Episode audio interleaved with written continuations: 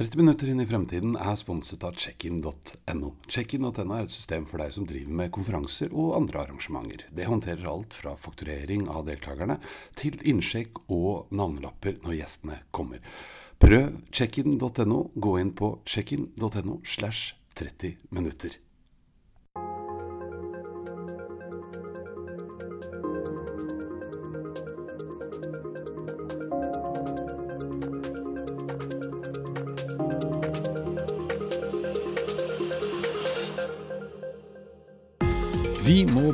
Bedre på miljøet, og vi har alle et stort ansvar å ta. Men for bedrifter er det kanskje ikke så enkelt å vite hvor man skal begynne, og hva man faktisk kan og skal gjøre. Det finnes hjelp å få. Dagens gjest har akkurat starta en ny jobb i Verdens naturfond, hvor hun skal hjelpe bedrifter med kunnskap om sirkulær økonomi og hva de kan gjøre for å tilpasse seg, slik vi alle må. I tillegg skal hun sørge for at de norske idrettsarrangementene som går hvert eneste år, blir langt mer miljøbevisste og vennlige enn det de er i dag. Hun heter Kristine Spiten og er en av gründerne bak selskapet Blue Eye Robotics, som fant opp og laget en undervannsdrone som gir oss mulighet til å se hva som foregår under vann. Nå har hun gått videre til WWF og har altså ansvaret for sirkulær økonomi, og at norske idrettsarrangementer skal bli plastfri. Dette er 30 minutter inn i fremtiden, og jeg er Eirik Normann Hansen. Hei, Kristine. Hei, hei. Velkommen til meg. Tusen takk. Du, du har begynt i ny jobb, du. Ja, Så gøy. det har jeg. Ja. Forlatt gründerverden og hoppa over i jeg håper å si ordentlig jobb, men det er det vel ikke på mange måter. Mm, jo, jo, det er absolutt en ordentlig jobb. Men uh, jeg har ikke lyst til å si at jeg har forlatt gründerverdenen. Nei. Det, Det er både ordentlig jobb, og du har ikke forlatt gründerverdenen. gründerverden. Med Ja, ordentlig nemlig. jobb så mente jeg at det er jo litt annerledes enn det mange andre driver med. ja. Ja. Ja. Hva har du begynt med? Eh, jeg har begynt i WWF, Ja. Verdens naturfond. Og så har jeg fått eh, ansvar for eh, plast og sirkulærøkonomi. Og det betyr rett og slett at jeg skal sørge for å gjøre næringslivet mer sirkulært, og idretten med helt plastfri. Så nå har jeg ett år på meg til å sette noen ganske hårete mål og lage, utvikle modeller og sette i gang masse greier for at det skal skje så fort som mulig. Men jeg, nå må jeg bare starte klokka. Vi har jo bare 30 minutter. Ja, Så må du løpe. Du er en travel uh, Det er travelt om dagen. det er det. Ja, Men det er gøy. Det er veldig ja. gøy. Men ja, for det gjøre idretten plastfri, for der er det mye plastikk. Det er veldig mye plast. Ja. Det er det. Fins det noen tall på det, eller? Eh, er det, det er jo egentlig det jeg starter med, å bare gå gjennom hvor, hvor stort er dette problemet her, Mm. og hvor er de største knutene vi kan eh, løse opp i. Fordi det er ingen som har gjort det kartleggingsarbeidet, men det flyter jo av plast rundt på arrangementer og cuper og events, og dessverre så er det veldig mye plast som kjøpes inn til treninger og til eh, de aktivitetene som, som foregår ellers også. Um, og det er jo ofte fordi det er eh, praktisk og billig, da. Ja, ikke sant? Så vært, det er jo ikke noe vond vilje bak det, men det er liksom sånn, sånn har man alltid gjort det. Um, det, det er materiale som holder, og det er billig og enkelt å få tak i. Og idretten, de har fokus på idrett, og det skal de ha. Mm. Um, så da kommer jeg inn som en sånn kamikaze. Jo, men det er vel litt fordi altså, Det har jo ikke vært så fokus på dette Det har jo kommet veldig nå de siste årene, kanskje særlig det siste året. Ja. Eh, For jeg, har jo, altså, jeg har jo, er jo forelder og har vært med på Vi må alle ta vår turn og arrangere cuper. Og når du sier det, så husker jeg jo det. altså Mengden sugerør og plastgafler og skjeer og skit man bruker. Det er jo fordi at vi ikke gidder å vaske opp, liksom. Eller, ja, det, ja. Mm. er, det er praktisk, og, og det er klart at i idretten så er det utrolig mye frivillig arbeid. Mm. Jeg hørte at hvis man hadde summert opp den innsatsen som legges i idretten, så hadde det vært 17 milliarder i året verdi. Det er mange timer. arbeidstimer. Ja, ja. Så det, um, det er klart at man det, det skal være enkelt, Mm. og det, det er idrett som skal stå i fokus. Og jeg har jo vært aktiv seiler selv, og jeg Mm. har jo sett hvordan det, hvordan det kan flyte rundt. Det. Mm. Um, så rett og slett det å, å hjelpe til der hvor man uh, Hvor det i dag finnes bedre alternativer og enklere måter å gjøre det på. Mm. Um, Ja, for, det, for kost blir jo også et tema. Definitivt. Ja. Hva, hva fins Jeg ble litt nysgjerrig uh, i dag. Tenker du på sånn engangs... Ja, sånn engangs, for det, det, det, det slår meg liksom som det første sånn åpenbare. På Ja. en cup eller en fotballgreie på Ullevål stadion i pausen, så kommer det 30 000 gærninger og skal ha noe å drikke. Ja. Og der er det sugerør i 90% av det. Ja. Ja. Akkurat sugerør tenker jeg at det kunne vi kanskje vente oss av med. Mm. Um, og andre artikler kan lages Mm. av, eh, av eh, biomateriale. Mm. Um, og materiale som brytes ned. Eller, og egentlig enda bedre, det å sørge for en ordentlig avfallshåndtering. Mm. Fordi det er slik at hvis plasten holdes i loopen, så kan den resirkuleres og brukes igjen. Og da er det jo et fantastisk materiale med noen helt unike egenskaper. Det er jo derfor vi bruker det. Ja, ikke sant? Ja. Um, så hvis man bare sørger for å samle det inn, eller som de gjorde på Øya i år, da, som var helt fantastisk, at de hadde disse flerbrukskoppene. Så du betalte 20 kroner for, og så kunne du gå og levere tilbake den, og så fikk du ny Ja, kopp, ja, og så ble de vasket. Så, og så på slutten av dagen eller kvelden så, så leverte man den og fikk tilbake de 20 kronene. Oi. Så du har rett og slett en, eh, En- pant. Da. Du lei, leide en kopp? Ja, nemlig. Ja, Når du sier det, jeg, var på, jeg er ikke sånn veldig festivalgjenger, men jeg var på en uh, liten festival som en jeg kjenner driver, Under the Bridge. Uh, og det jeg la merke til der, var at i tappekøen, i ølkøen, så var det veldig mange som kom tilbake igjen med plast halvliterglasset sitt. eh, og fylte på. Og der var det ikke noen sånn leieordning. holdt jeg på å si. Altså, mange bare gjorde det. Det var ganske unge folk som var der. Ja. Det, når du sier det, det må Sånn var det ikke før. Da Ja. kasta man de et eller annet sted, og så gikk man og henta de. Ja, nemlig. Jeg var jeg var én dag på Øya i år, og det var fordi vi hadde et, eh, også et arrangement sammen med Norsk Gjenvinning, som for øvrig er en eh, samarbeidspartner av eh, Øya. Og flere andre store selskaper, Jernia, um, Coop, uh, Orkla osv., hvor vi så på hvordan kan vi sammen løse denne plastutfordringen. Som går på tvers av alle bransjer og næringer og eh, hele, hele verden. Hele samfunnet vårt. men- um, ja, nei, og da bare um, Det er jo første gang jeg har sett en festival hvor det er så rent.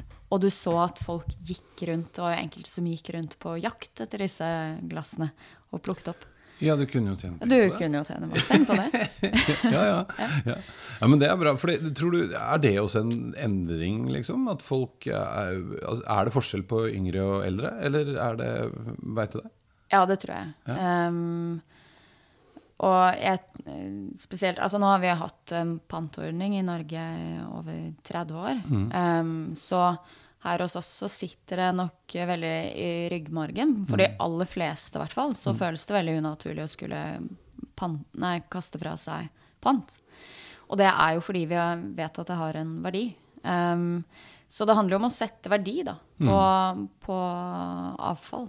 Ja, og, set, ja, og sette det litt i system. Det er vel det som er litt av greia også. Jeg merker at Det er litt sånn synd med veldig mange sånn mikrobryggerier nå for tiden. Hvor de har kule flasker, men de er det jo ikke pant på.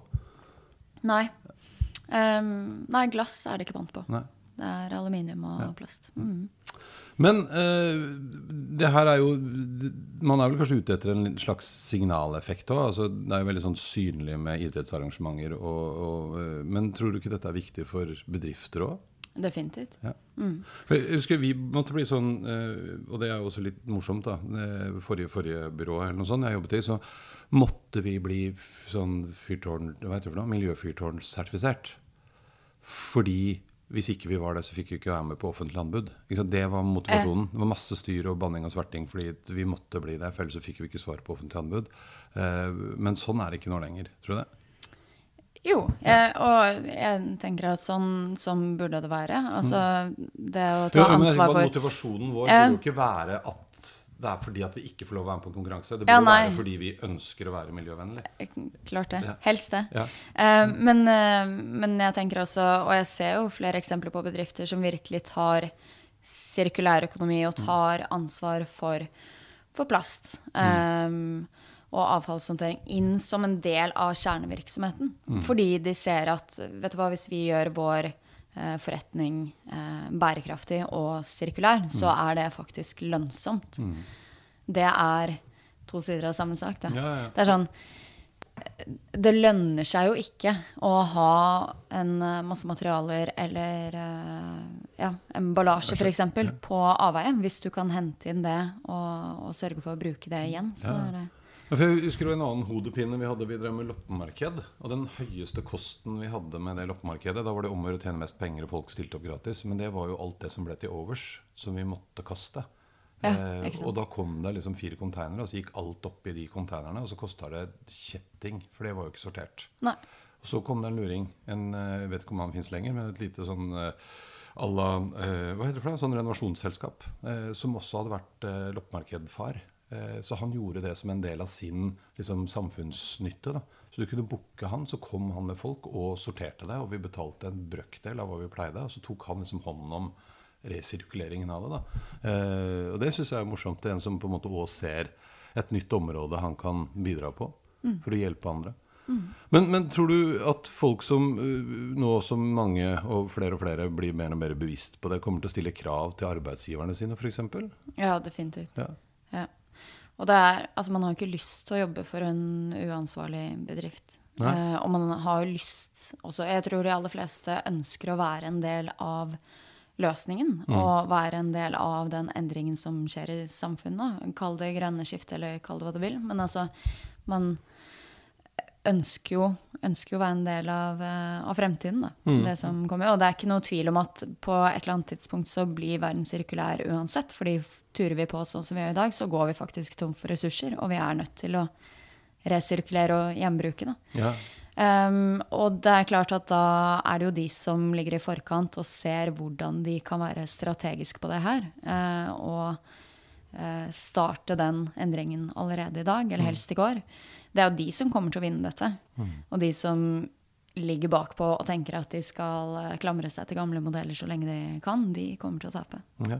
ja, for her også blir kanskje noen et litt sånn offer. Vi snakka om, om eh, den teknologiske skiftet og digitalisering eh, i en tidligere podkast. Og det noen av oss har opplevd, er jo at de som sitter ved roret, godt voksne folk, ofte menn, men jeg tror ikke det nødvendigvis har noe med saken å gjøre akkurat her, men de lukker litt øya og tenker at jeg skal jo bare sitte her nå i fem år til, så jeg gidder ikke å begynne å gjøre noen store greier, så bare dra det til land. Eh, tror du det kan være et problem på, i forhold til miljøet også? Ja, eh, helt sikkert. Eh, så, så er det heldigvis sånn at det kommer nye krefter inn da, som Ja, har ja. eh, en voldsom fart. Ja. Og så er det veldig mye Altså det er mange av den jeg vet ikke om man skal kalle det eldre garde, eller eh, som tar ansvar òg. og som, fordi de har muligheten til det. Eh, så hvis du snur det andre veien, så har de kanskje hatt et langt, spennende karriereliv og ønsker, eller kommet dit at de ønsker å gi noe tilbake. Da. Um, et eksempel, ikke på eldre garde, nå vet jeg ikke hvor gammel Espen er, men eh, Espen Karlsen i Jernia er jo en pådriver for den endringen de gjør nå, som et stort selskap, um, å stille krav til sine leverandører. Hvor de bl.a. nå ikke vil uh, ta imot noen produkter som er pakket inn i sopor. Nei. Uh, og det er jo superkult, for som, som han har fortalt meg, så selger de vanvittig mye griller, f.eks. om sommeren.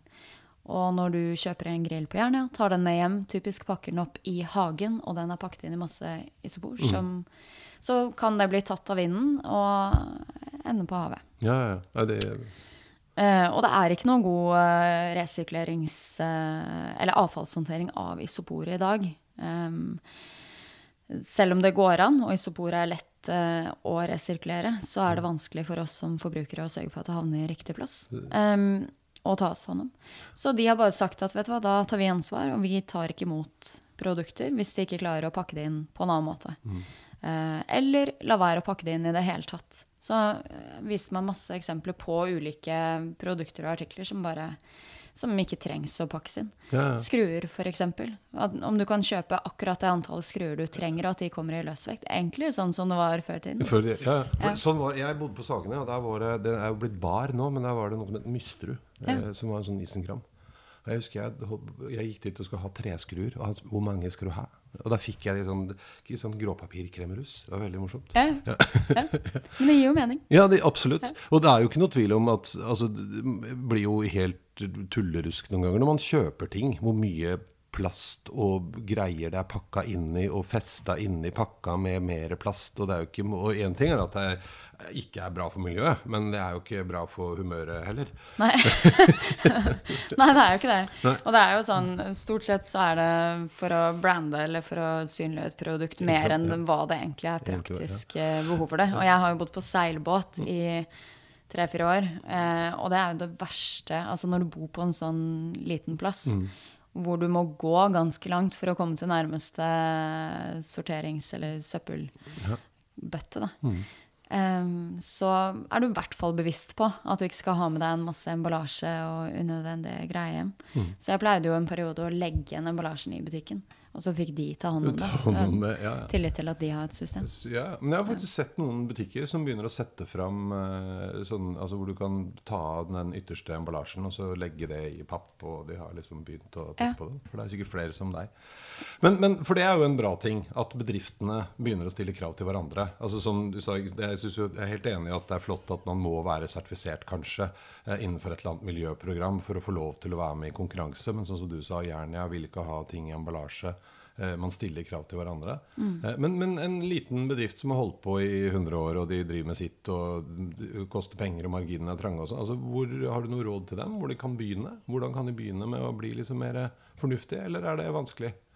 Det kommer veldig an på hva slags bedrift jeg snakker om. Ja, men jeg tenker at alle kan altså Én ting er hva man gjør internt, og mm. så er det det å se på eh, ja, alternativer til altså samarbeid. Man blir ofte veldig mye sterkere og har flere muligheter hvis man uh, allierer seg med noen. Mm, ja. Og jeg tenker at enhver bedrift har jo leverandører, og de har jo kunder, og det er jo masse muligheter til å ja, kommunisere og samarbeide for alle, tenker jeg. Ja, kommer et med det.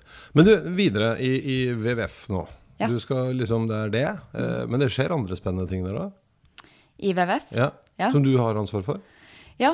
Uh, nå er det jo um, Det er primært dette med, med plast og sirkulærøkonomi. Men det mm. er jo også sånn at vi for aller første gang så har WWF etablert en egen næringslivsavdeling. Mm.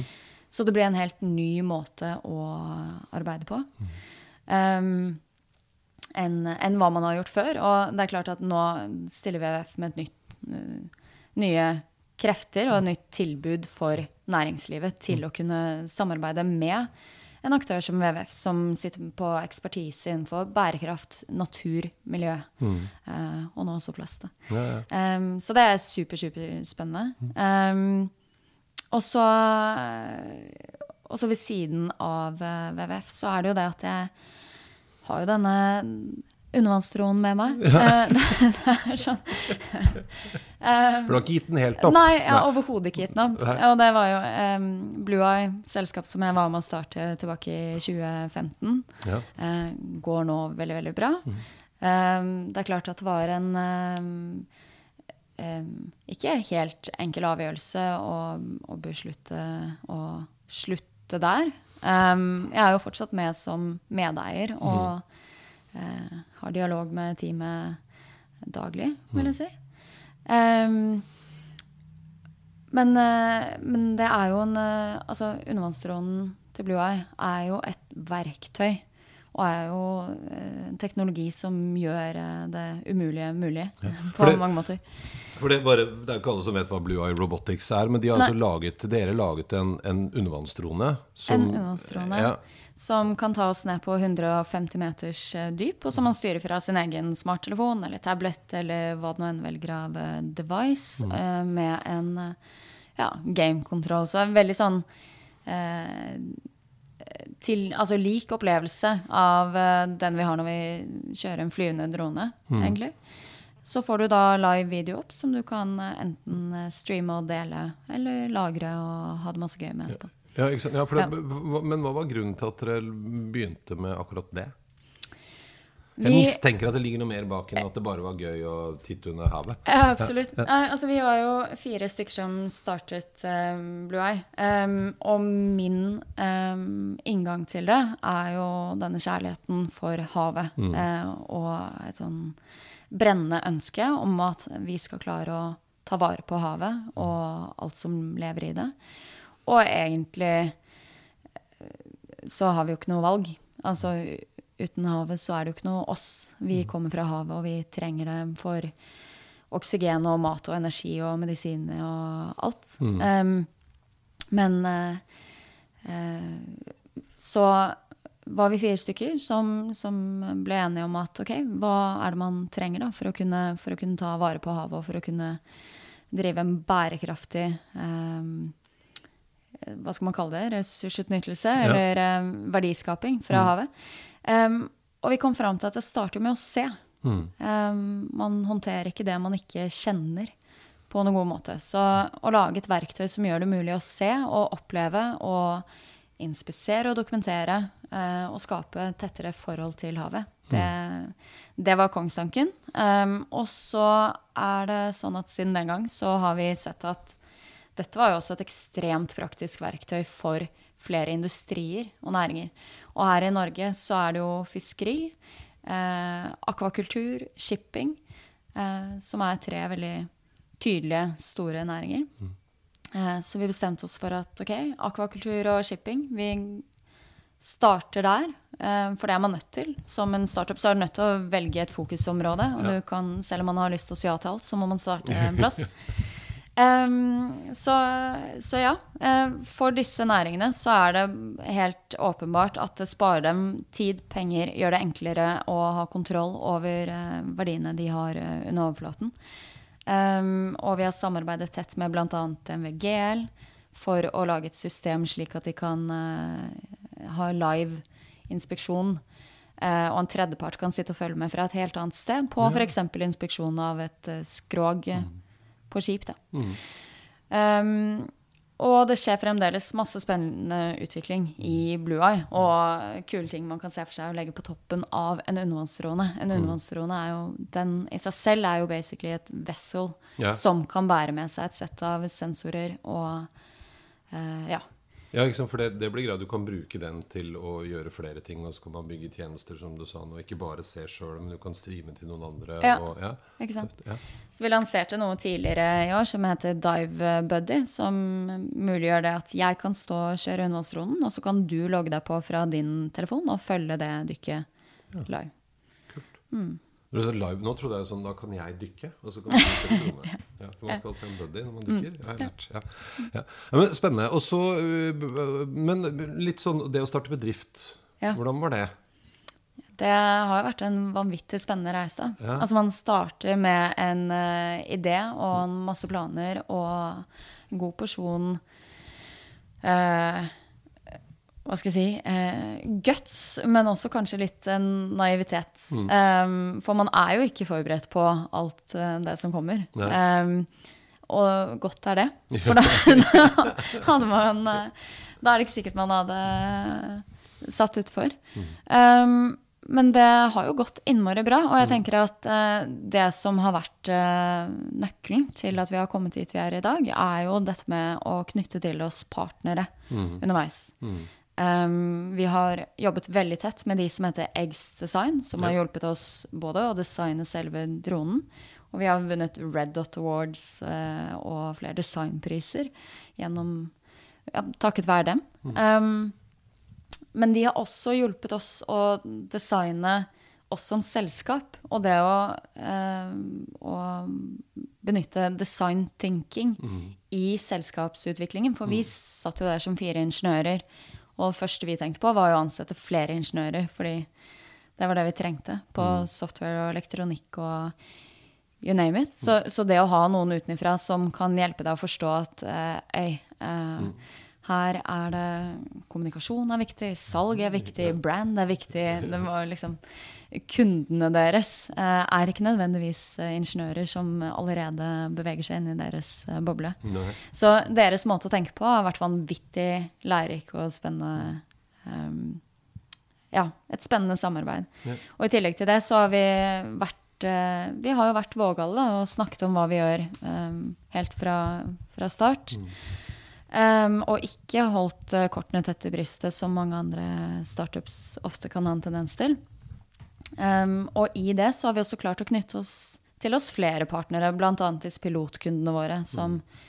uh, Hurtigruten f.eks., som vil ta i bruk våre undervannsdroner på ekspedisjonsskip, der hvor gjestene om bord kan bruke det til å oppleve under uh, overflaten. Uh, I dag så drar de jo til Antarktis og Arktis og Amazonas også, faktisk. Um, og noen av de mest eh, spektakulære, nydelige stedene som finnes i verden. Og får jo allerede fantastiske opplevelser. Men det å kunne oppleve hval, f.eks., eller eh, tiger, eh, seler, eller det dyrelivet som finnes under vann, det er noe helt annet. Det er noe helt annet. Ja. Men det er jo litt morsomt å høre, for det er jo liksom noen likhetstrekk her. Det høres Mm. ut som du på en måte har tatt med deg noe av lærdommen fra, fra startupen og over i det du gjør nå. Altså Ja, det å samarbeide det. og søke hjelp ute og finne partnere og pilotkunder. Og, for det har jeg også hørt, Jeg har jo snakket med noen gründere tidligere, eller folk som hjelper selskaper, altså gründere, med å komme videre. Og veldig mange er liksom på den der åpenheten. Tørre å Mm. snakke om det. Ikke holde det. Du må ut og fortelle om hva du driver med. Og få feedback på det. Ja, én ting er jo det å få feedback, og det å teste så tidlig som mulig. For man risikerer jo ellers å, å sitte og utvikle og legge inn masse ressurser i noe som eh, folk egentlig ikke vil ha. um, men en, eh, en annen ting er jo det at ved å snakke om det, så bryter man jo ned noen sånne siloer. Altså, man, tidligere hadde man kanskje en tendens til å sitte på hver sin tue og holde kortene tett til brystet og tenke at man skal, her skal man beskytte sine gode ideer. Mens i dag så uh, har man lært at det går jo vanvittig mye raskere hvis man åpner opp og inviterer folk inn. Eh, og da får man en helt annen både innovasjonshastighet og time to market, da, som Ja, er eh, ja. viktig. For det, er, ja, det var det som var poenget mitt. Det å tørre å invitere andre inn. Mm. Men eh, Så nå har du tatt med deg Og du har med deg dronen videre. Du skal på tur òg, skal du ikke det? Jo. Ja. eh, neste sommer skal jeg være ekspedisjonsleder på det som heter X-Expedition. Som er et eh, forskningsprosjekt der man ser på sammenhengen mellom marin forsøpling og menneskers helse. Eh, jeg var på en ekspedisjon i 2015 med, under den samme eh, organisasjonen, uh, der vi hadde med den første prototypen av Blue Eye over Atlanterhavet. Ja. Uh, Men til neste år så skal jeg faktisk lede alt som foregår om bord på denne seilbåten. Det er en 70 fots stål stålskrog-seilbåt med to master, sånn for de som er interessert i det.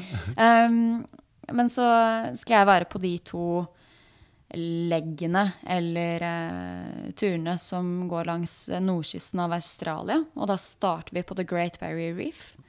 Eh, seiler ut fra Cairns eh, og opp til Darwin.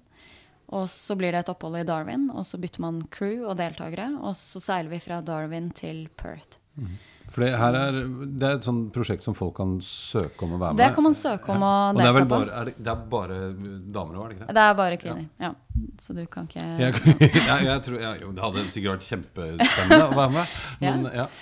Ja, det er, altså det er utrolig spennende. Og det som, eh, som er spesielt også, er at det er ikke bare mm, forskere eller ingeniører eller de som allerede eh, kan mye eller brenner veldig sterkt for denne tematikken, men det er folk eh, Det er kunstnere, det er eh, folk som jobber med kommunikasjon.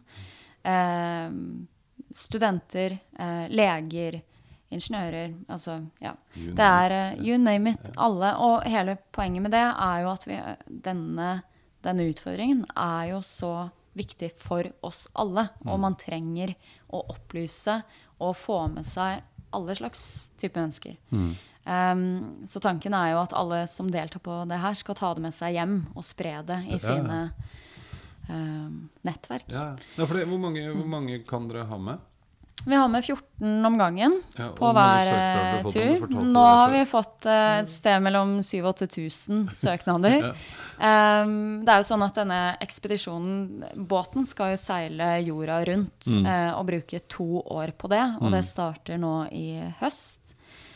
Um, og så, så hopper jeg på nede i Australia neste år. Men så er det sånn Så det er masse ulike legs. Båten skal jorda rundt. Så gå inn og se på xexpedition.com, og så kan- ser man X som bokstaven X? Ja. Ja, Expedition. Expedition med to x-er. Ja. Nettopp fordi vi er damer. Um, og så eh, så kan man se hvilke mulige turer det er mulig å Eller man kan ønske å melde seg på, da. Ja. Em, og så avslutter jo Altså seilasen starter i UK og ender i UK. Og noe av det siste blir jo å seile langs eh, norskekysten. Da ja. Kommer det over fra Grønland til eh, Lofoten og seiler nedover eh, langs norskekysten til UK. Da. Det blir jo 2021. Ja, Mm. to år, ja.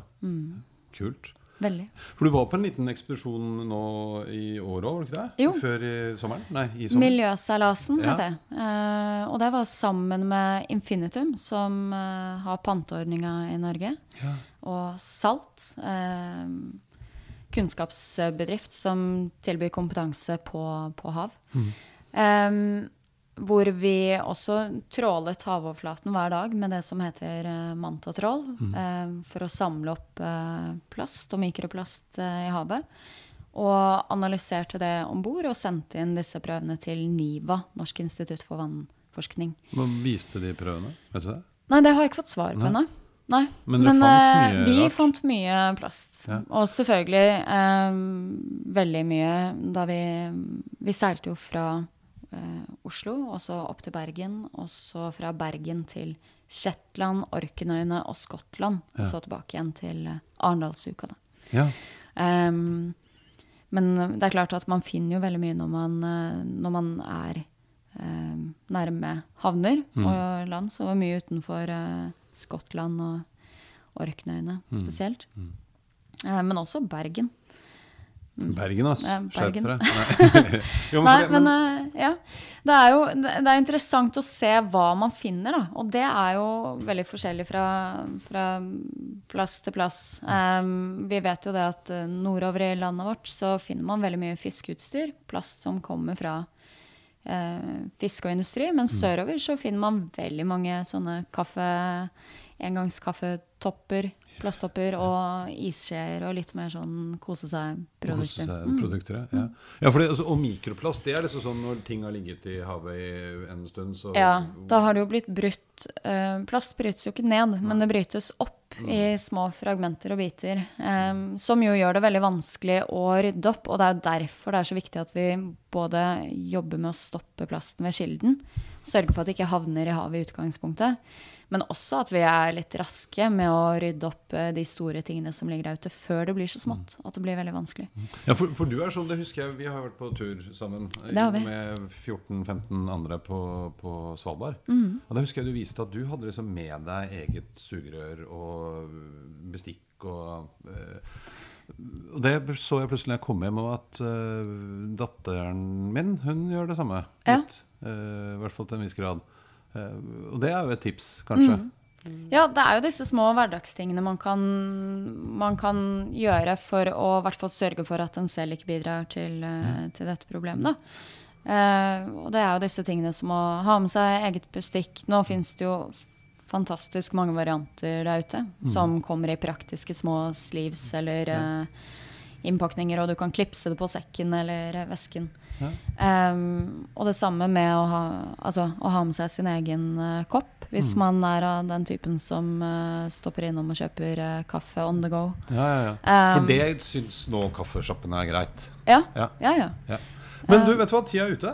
Det er den. Det bare stukk på, så det, lyden gikk ikke. Men hvis vi sånn kjapt skulle oppsummere altså, eh, Vi må alle ta i et tak. Det er forferdelig mye greier vi driver med. Men du har begynt i WWF. De Yes. har en avdeling man faktisk kan ta kontakt med Ja. for å få litt hjelp og informasjon om hvordan man kan komme i gang.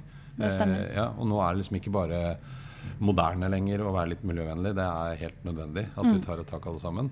Eh, og så, hvis vi hever blikket enda mer 2030. Hva tror Kristine, eller frykter, eller håper er en realitet, da?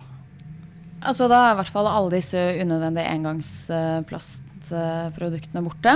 Eh, og så er jeg også overbevist om at vi har eh, bygget eh, bedre og nye kunstgressbaner, både for fotball og annen idrett, som ikke inneholder disse Ja, de der forferdelige gummikulene. Yes. Så vi har huset fullt av. Ja. Ja, det er kanskje ikke det største problemet, men det er veldig Det er ganske stort. ja. Jo, jeg er skjønner at det er et stort ja, problem, men akkurat at vi har noen i gangen vår, er ikke ja. Nei, nei, nei. Men eh, ja. Um, og så tror jeg vi er blitt veldig mye smartere på mobilitet. Um, og at uh, ja, man kanskje ikke nødvendigvis eier hver sin bil, men at uh, i urbane strøk så har man uh, virkelig begynt å ta i bruk smartere måter å komme seg rundt på. Uh, og frakte ting rundt på. vi snakket jo litt om elfly i stad. Ja. Det har jeg tro på. Ja. Ja. Har du prøvd elfly? Nei, jeg har ikke det. Nei, Nei det har jeg lyst. kjempelyst til. Ja, Ja. Vi må, det må vi ordne. Neste gang vi møtes, så har vi vært på elflytur. Ja. Det satser vi på. Tusen takk skal du ha, Kristin, for at du kom. Takk for meg. Lykke til videre. Takk for det.